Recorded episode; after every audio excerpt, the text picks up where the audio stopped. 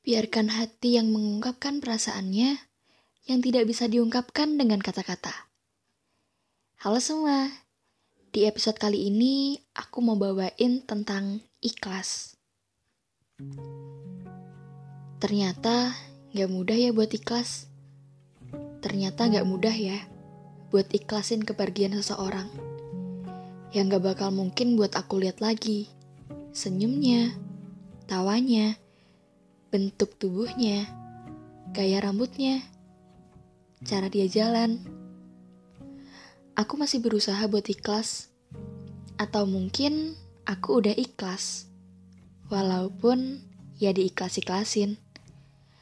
Kalau aku boleh minta, apa yang menurut aku paling gak adil di dunia ini, itu kepergian. Apalagi ditinggal pergi secara tiba-tiba dan kayak gak ada aba-aba aja gitu. Sakitnya aku rasain dari tahun ke tahun masih belum hilang.